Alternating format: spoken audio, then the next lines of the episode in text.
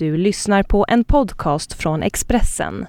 Fler poddar hittar du på expressen.se podcast och på iTunes.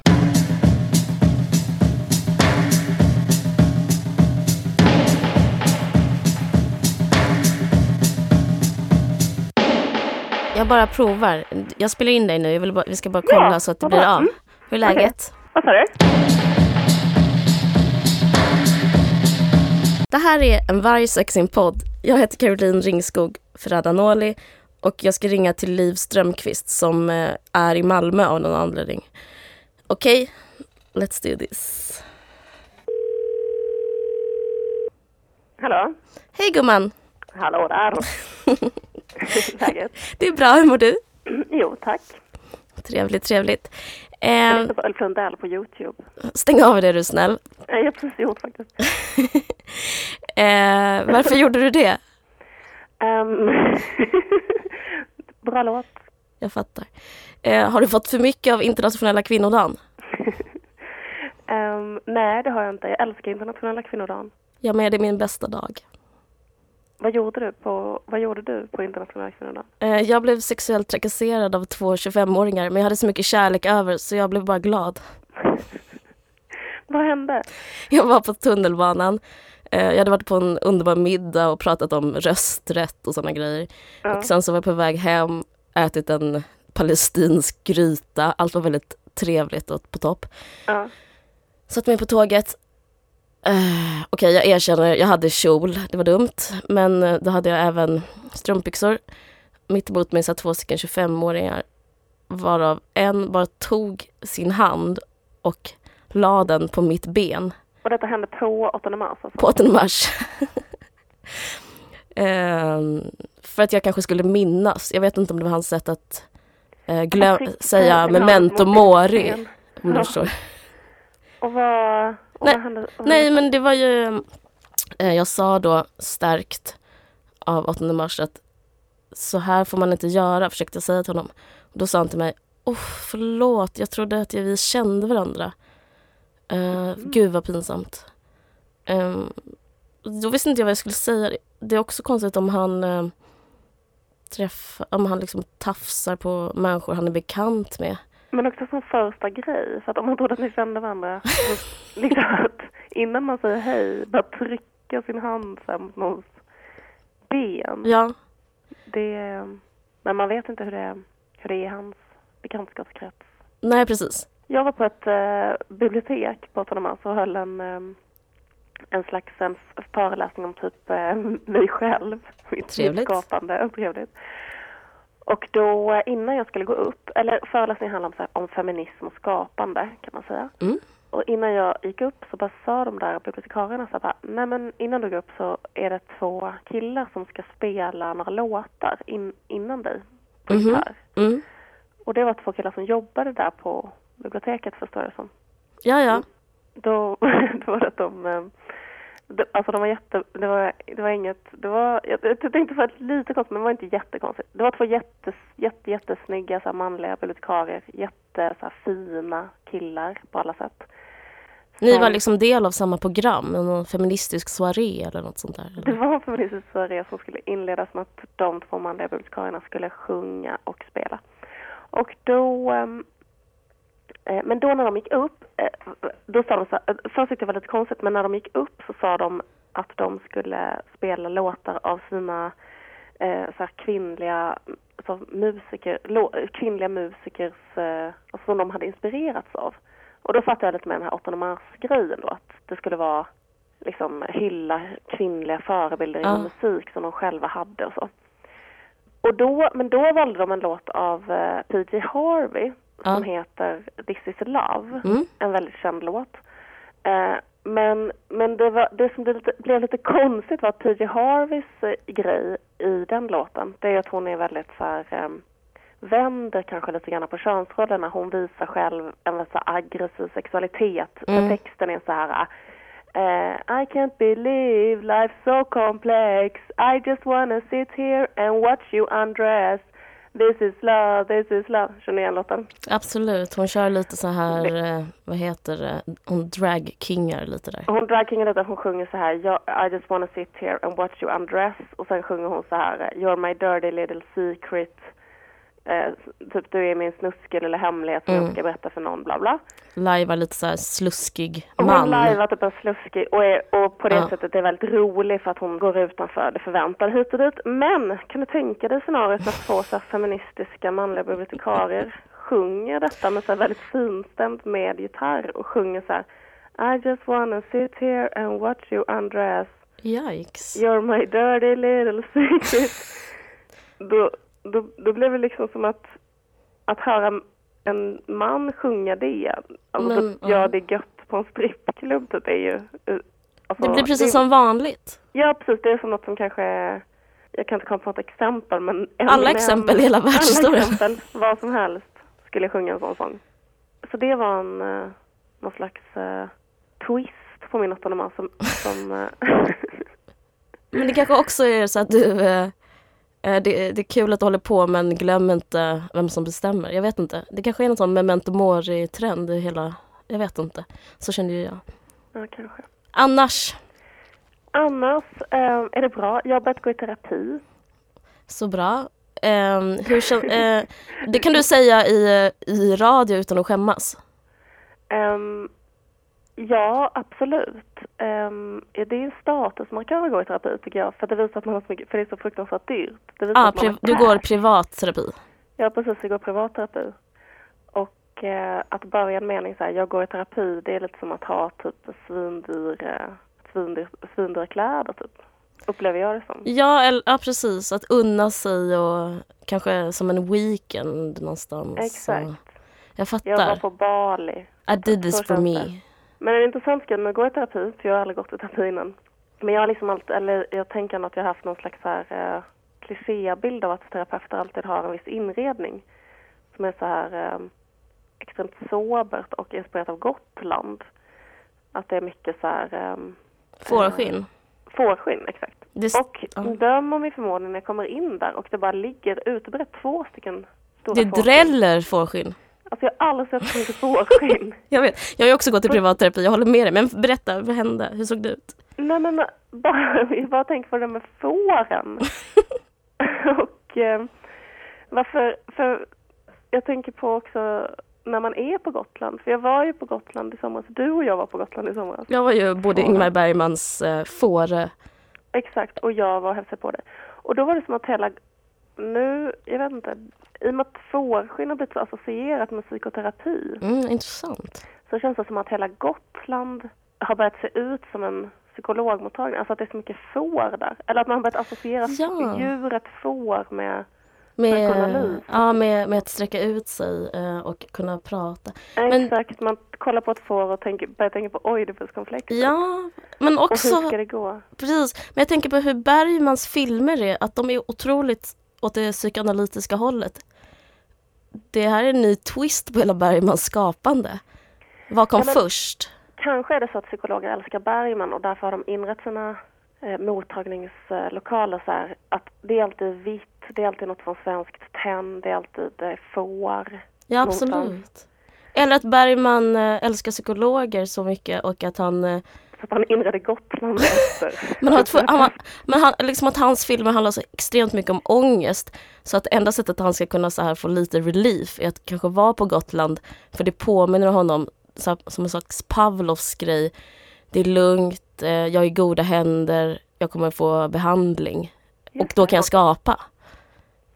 Men en annan, eh, men, eller förmodligen beror det ju också på att eh, psykologer har så hög eh, Du Och tänker det- så? Nej, jag ska absolut. Att, och att eh, det blir liksom en... ehm, eh, ja, Ja, de är svinrika. De, är, de, De är de, lyfter så jävla mycket cash. Jag, när jag, jag Och att pluggade... alla i den samhällsklassen kanske har fårskinn. Alltså det är bara det att man inte brukar vara hemma hos dem. nej, det är så, du har rätt. Mm. Men jag måste berätta, när jag, eh, om min, om min, eh, jag, vill, jag vill ge dig rätt och bekräfta det här. Jag pluggade juridik ett tag, jag gick på juristlinjen när jag var, jag tror det var när jag mådde som sämst. Eh, Mm. Du hör ju, Ja, jag kommer ihåg det här. du kommer ihåg det här. Då gick jag i Lund. Ja. bara det är ju ett förtryck i sig att vara där. Men, var det ett tecken på psykiskt sjuk? Jag psykiskt tror sjukdom, det. Att plugga juridik är lugnt. jag tror faktiskt att det var någon slags otrolig ehm, Självskadebeteende. Ja, det, man kan kalla det ett självskadebeteende. Därför sökte jag hjälp. Hjälp Ja, fick jag. bra. Mm. Eh, jag gick till ett, eh, ett un, en underbar liten eh, vindsvåning på Lilla Fiskargatan där en psykolog fanns. Och jag vill bara bekräfta vad du säger, för det var verkligen så. Hela, ehm, hela våningen var fullt inredd med fårskinn och det var liksom en, som en filial av Svensk Tenn. Du vet den där inredningsaffären i Stockholm. Ja, Och ehm, alla råd hon gav mig var också överklassråd. Mm. Om, jag, om jag kände mig lite risig så sa hon så här, men du vet man pratar mycket om sin barndom, så bara, men ta hela släkten, åk till en fjällstuga, unna er här, lite härliga skidor eh, och bara sådana olika saker som var som kostade pengar hela tiden. Och Det jag, sa faktiskt min terapeut, förlåt jag bara ska insticka det. Ja. Hon sa också, nu har jag bara gått en gång, men hon sa till mig Hon också som ett råd, så här, åk på en weekend till Paris. men vad svarade du då? Alltså jag sa ingenting för att jag kände så här. Eh, jag menar jag, sk- jag skulle kunna åka på en weekend i Paris men jag hoppas inte att de säger det rådet alltså, till människor som har, alltså det, det kan ju inte vara ett universalråd. Eller att, att, eller att man säger så här, gå och köp, gå och köp dig något riktigt fint på Tenn. Nej. De säger kanske sådana saker som, men de säger sådana saker som får dem själva att eh, må bra. Men det måste ju kännas fruktansvärt om man kommer från en helt annan, eh, alltså mer utsatt grupp i samhället och ska försöka få lite psykologisk hjälp och kommer in i det där sjuka eh, eh, fårskins tennpalatset och får råd om att åka till fjällen. Jag vet, jag, och jag kunde inte hantera det. Som sagt så mådde jag väldigt dåligt så att jag, eh, jag mådde redan jättedåligt och ja, men, olika anledningar kanske. Ja, eh, jag skämdes i alla fall. Eh, jag hatade mig själv och tyckte jag var så dålig. Så att när hon kom med sina råd då kunde inte jag göra annat än att eh, ta emot dem och ljuga. Så, att det, Ja. så hela terapeut, terapin blev liksom slängd i sjön. Dels betalade jag svinmycket för att hon skulle säga de här dyra råden. Och sen så eh, vågade jag liksom inte vara ärlig för jag ville inte vara, hela miljön var så hämmande så att vi satt och diskuterade jag fick ett otroligt klasskomplex och vi satt och planerade olika så fjällresor till slut, vilket var helt absurt. Jag har aldrig varit i fjällen. Hon gav också rådet, åk till landet. Jag har inget landställe. Ehm, ja, du vet. Jag vet. Så att det blev liksom väldigt uh, ineffektiv Du ruinerade terapi. dig själv för att få råd och att du borde ha en sån livsstil som man kan ha om man lyfter 40 papp i månaden typ. Precis. Men grejen är att mm, kanske borde, kanske borde man sänka deras löner. Jag vet inte. Å andra sidan så är det så här, ehm, om det är privat, liksom, jag tror att premissen är lite så här, har du råd att gå till en privat terapeut, då har du råd att åka till fjällen. Alltså, Ja. det, är- Fast med, snarare är det ju så här, har du, går du till en privat terapeut då har du inte längre råd att åka till fjällen. Men jag menar på land, i landstinget, där är det ju det, det är annat ljud i skällan och det ser helt annorlunda ut. Det är bara standardiserat och så tråkig inredning. Men en sak som jag tänker på också det är så hur kvinnliga psykologer, vad de har för klädstil. Mm. Att jag tänker att de har en så ganska feminin klädstil. Eller det känns som att de satsar mycket på sin kvinnlighet. Är det något du har tänkt på? Ja, Alltså att det är en sån här stämning att man liksom Ja, jag är 40 men jag tänker inte ge upp för det. Jag typ Jag tänker fortsätta vara snygg. Ha något som är kanske omlott. Typ en omlottblus. Jag undrar eh, nu om vi har gått till samma terapeut. Jag, håller med dig, jag kan inte hålla med dig mer. Om lottkofta. Omlottkofta och hela den grejen. Men alltså det här är inte baserat på um, bara på det. Men, men det här är baserat på en jättestor studie. Men- nej men ja, alltså det här är bara baserat på extremt lösa fördomar slash feeling. Men jag har en feeling som är så här att Vad annars kan vi gå på här i världen?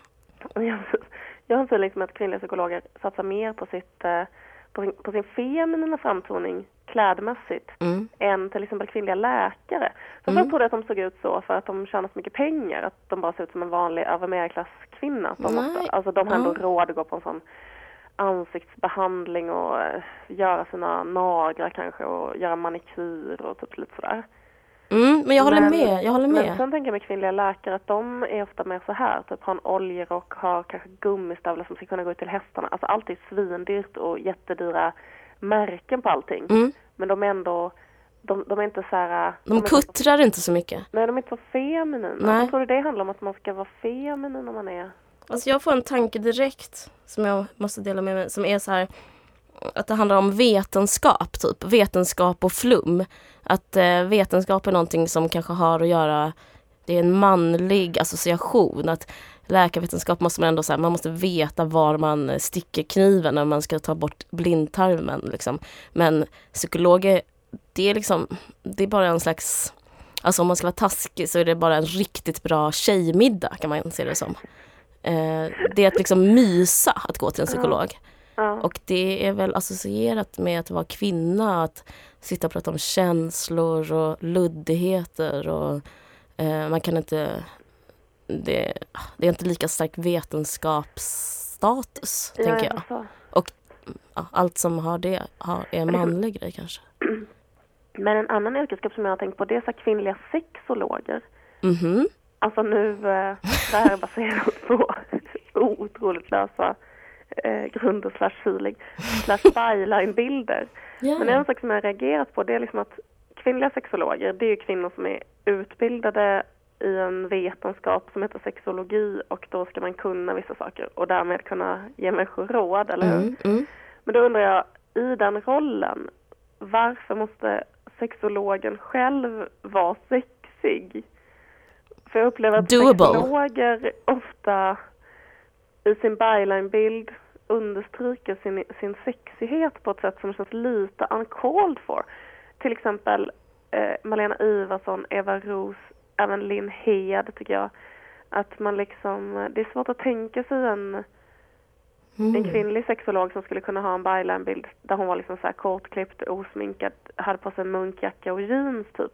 Utan det känns som att om du är en kvinnlig sexolog då måste du ha liksom stå lite så här med handen i ena sidan och ha kanske någon cerise dräktjacka och eh, jättemycket cerise läppstift och gärna blont hår som är långt och sådär.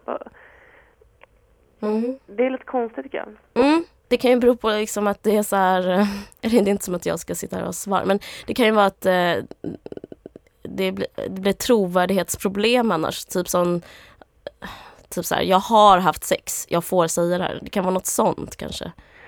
Man måste se ut som någon som får ligga Ja, men för att kunna typ. ge råd om sex. Men det kan ju också vara det här att eh, kvinnor som inte ser ut så gör sig inte besväret att få vara med någonstans eh, på bild i media. Alltså att Nej. alla kvinnor sexualiseras alltid och de gör det också. Typ en, det är en lite mer oglamorös förklaring kanske, men jag vet inte. Det är ingen som vill se en tråkig tjej som inte anstränger sig. Det är ju sån stämning, tycker jag.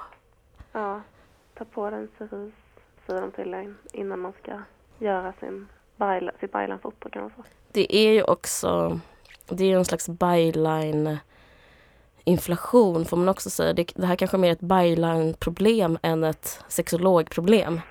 Att alla ska ha byline. Lars Linder i DN har byline. Alla, alla måste så objektifieras eh, för att få säga någonting. Det kan jag tycka är, eller jag ska inte säga att jag kan tycka det, jag tycker det är riktigt eh, dumt. Liksom. Ja, det är trist.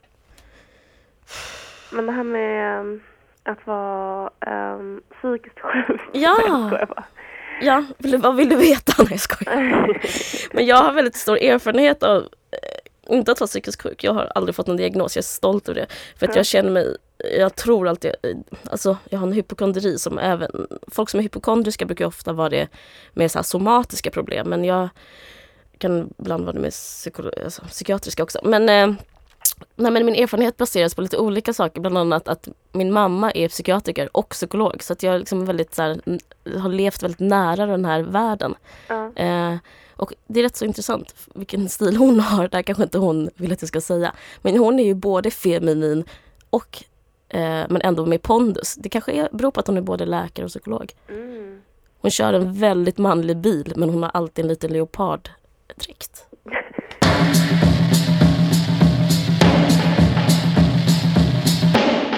ja men apropå det, jag jag har sett en, en, en film om eh, sinnessjukdom.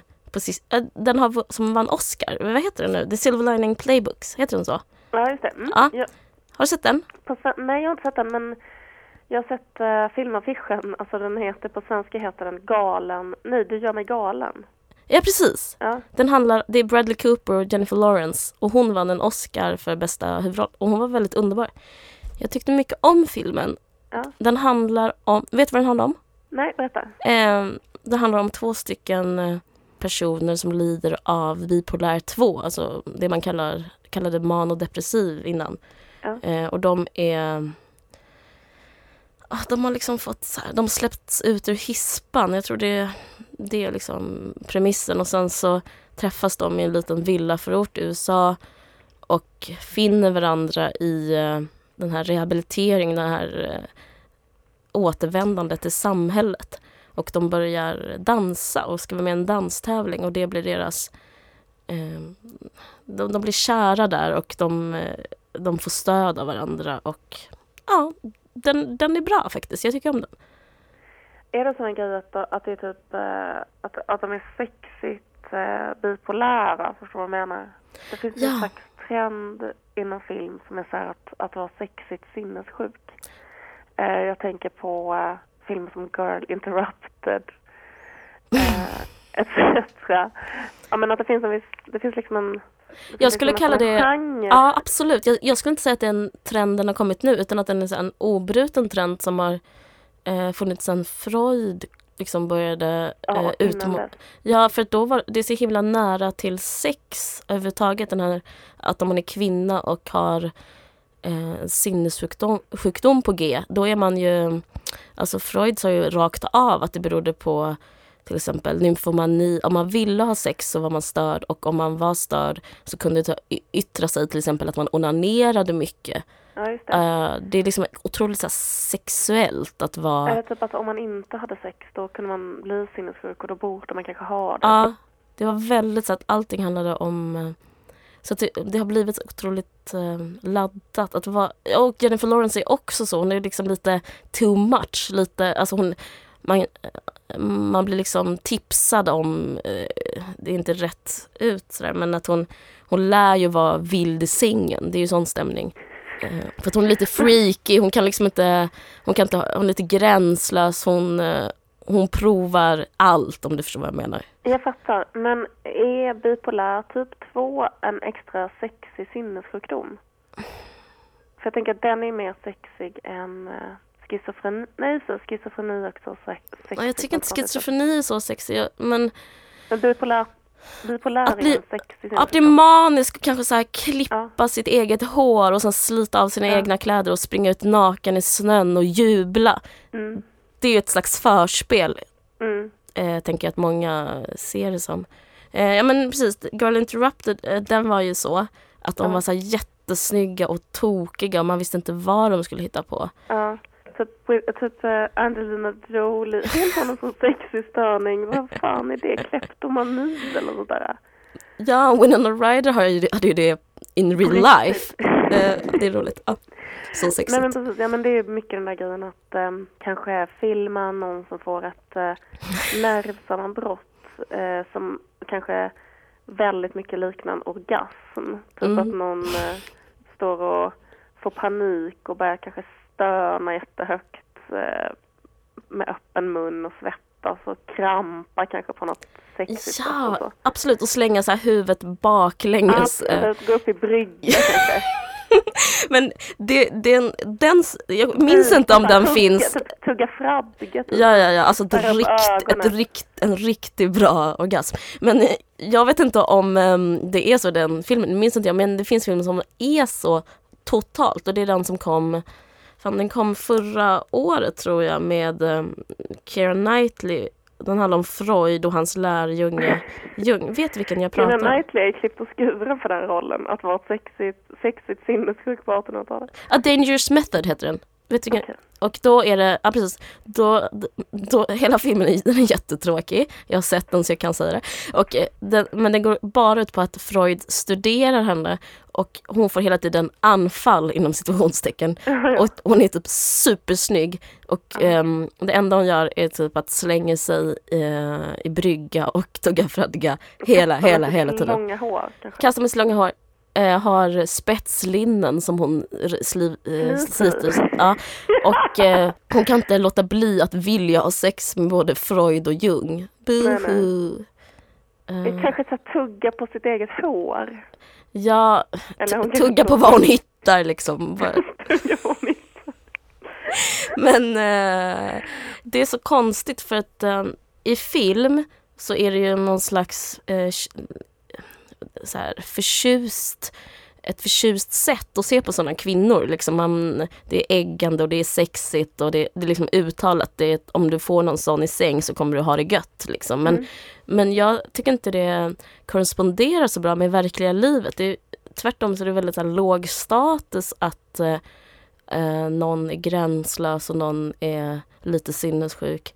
Men, alltså det finns ju här att man bara, jag tycker det, alltså jag har det liksom i min, kanske inte min närmsta vänskapskrets men ändå rätt vanligt sådär att hon, hon är en sån psycho girl eller psycho girlfriend och det är jättenegativt och Känner du igen vad jag pratar om? Att det är Absolut. inget någon vill vara eller ha eller och Men sådär. det känns lite som så här hora madonna-grejen. Att man kanske så här gillar en sexigt bipolär men man vill inte, man kanske vill ligga med henne men man kanske inte vill bli ihop med henne. Kan det vara en sån grej? Säkert. Nej men jag menar, jo men det tror jag stämmer jättemycket. Och, så, och det känns också som att psykisk sjukdom har ju ökat så, eh, så mycket. Eller i alla fall eh, det här med typ unga tjejer som mår dåligt. Ja. Och då läste jag en sån lista, jag läste en sån lista över så vad folk eh, helst eh, söker som partner. Och psykisk hälsa har nu seglat upp som etta. Men det tycker jag jag märker Och omkring petat mig. ner eh, den gamla klassikern humor. Ha, Som innan var det man sökte mest hos en partner. Men nu, nu är tydligen det man söker mest eh, är psykisk hälsa. Och, och det måste ju vara ett tecken i tiden. För att varför verkligen. skulle man annars... Det skulle det första man skulle tänka på vara att man vill ha någon som är psykiskt frisk. Ja. Ja just det, rb världen och hiphop-världen, alla de eh, Alltså varje gång man pratar om sex, eh, pratar man sjunger om sex så är det ofta så här med psykisk sjukdom. Prat, hungrighet, Prat- rappa. Åh shit, jag lär mig aldrig det där. Men i alla fall, då, då är det mycket så här, eh, do you wanna freak me, freak in the morning, freak like me.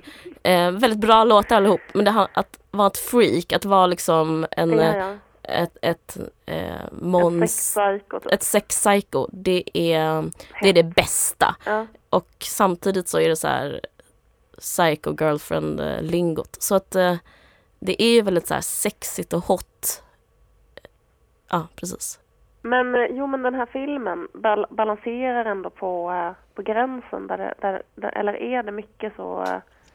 Alltså det som är, det som är, En jättesnygg eh, bipolär. ja alltså lite är det så. Det är typ att få ett utbrott på ett café och det får man inte och sen så men det är inte så att jättemycket, det är inte så jättebra sexscener men det som är grejen som är deprimerande tycker jag det är att hon, Jennifer Lawrence eh, som kanske drar storlek 36-38 och inte storlek 32-34 som tydligen finns eh, anses vara en tjock skådis. Jaha. Ja visst har du.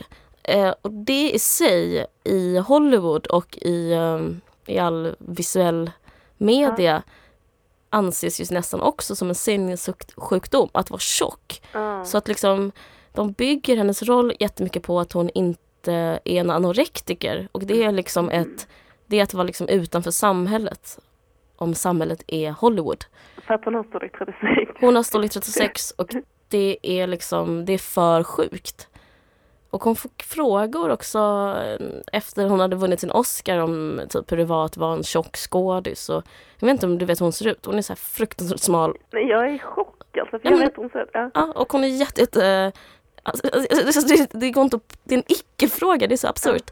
Eh, men de spelar rätt så mycket på det, typ att hon kanske gör ett danssteg och typ man eh, ser hud som inte är anorektisk. Typ. Man ser inte revbenet eller något sånt där. Och det är hela... Eh, ja. Hon fick en Oscar av samma skäl som typ um, Charlize Theron fick en Oscar för Monster. Ja, precis. Och Robert De Niro när han gick upp 40 eh, kilo i Tjuren från Bronx. Fast kvinnliga versionen, att hon har storlek 38. Uh. Men jag, jag måste säga att jag blev rätt så ledsen av den här studien för att, att vara psykiskt frisk och inte rolig. Det alltså på ett personligt plan så, jag vet inte, då, jag har ju rätt så lite att hämta kanske. ja, jag skiter i det. Um,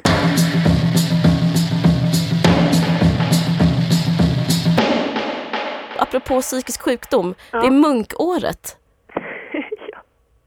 Edvard Munch-året. Ja. ja. I Norge då? Eller? Ja, precis. Ja. Och eh. Edvard Munch, ska vi säga det, att han är en jättekänd eh, expressionist. Ja, precis. Som, eh, som levde i slutet av 1800-talet och början av 1900-talet. Ja. Hur firar du? Hur har du firat? Men på vilket sätt är det ett jubileum? Är det för att han född, var det hundra år, hundra år sedan han föddes? Uh. Vet inte. Han dog 44 så det kan inte vara ett jubileum. Jag tror det är så här, en ny, innan var det Ibsen, eh, innan var det Ibsen-året, för mm. Ibsen är extremt stor, var extremt mm. stor, och nu är det munkåret. Jag ja. tror det bara är så. Och det har faktiskt blivit en eh, rätt så eh, sur debatt i Norge för att Ibsen fick sju miljoner eh, av regeringen, inte han själv då men att... Sju miljoner dollar, alltså det kan inte bara ha sju miljoner. Nej jag vet, skitkonstigt. Jag läste det här i Göteborgs-Posten. Ja. Okej, eh, rest my case. Det kanske är miljarder jag pratar om, jag vet inte. Det, eh, fördelningen var i alla fall sju mot ett. Att Aha. Edvard bara fick en miljon eller? Ja, det, eller det ser alltså helt osannolikt. Alltså siffrorna. siffrorna. Men jag menar, det, det, men debatten är ju intressant. Att Ibsen fick mycket mer än Munk. Ja, nästan tio gånger så mycket. Är det på grund av peak oil? Att oljan håller på, alltså, att oljan håller på att ta slut i Norge? Kan det vara. Att de måste spara på något sätt. Jag vet inte om vi är rätt personer att hitta orsaken till det. Men jag undrar mer, liksom, hur, vad betyder det här för dig? Hur, hur har du firat? Alltså jag, en sak som, jag har haft jävligt mycket ångest det här året. Månde? så, så på det sättet kan jag säga att jag helgar Munk. Mm. Munk är ju mest, eh, ja men han är mest känd för den här uh, skriet. Hur har du, uh, hur, hur påverkar munkåret dig? Uh, om jag ska vara helt ärlig så inte så jättemycket. Uh, vad, vad tycker du om Munk? Oh, hoppas inte Munk eller någon, hoppas inte någon hör det här från Norge nu men eh, jo, jag tycker inte så jättemycket så här, jag tyckte väldigt mycket om honom när jag gick på högstadiet. Det, ja. Som du sa, han är ju expressionist. Och ja. det betyder att han är väldigt tydlig i sitt, eh, alltså man tar inte miste på vad skriet vill kommunicera.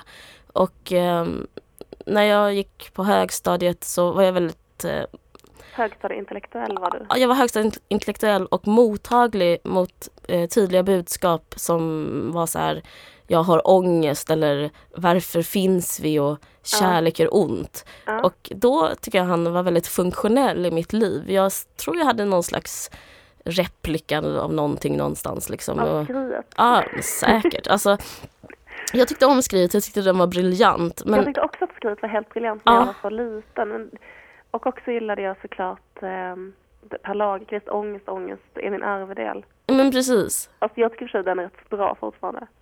Den dikten. Eller jag gillar Per Lagerkvist överhuvudtaget. Ja. Men, men jag, jag, hade skriv, jag skrev ut liksom stora affischer, Per Lagerkvist dikter som jag satte upp i mitt rum. Mm. Någonstans i någon måste vi alltid tillsammans. Kanske inte ens är Per Lagerkvist. Hur som helst. Hur som helst. Då, det, allt, det, det, allting, allt vi älskar ska tas ifrån oss. Exakt. Allting, allt, Ja, exakt. Det är väldigt fint. Ja.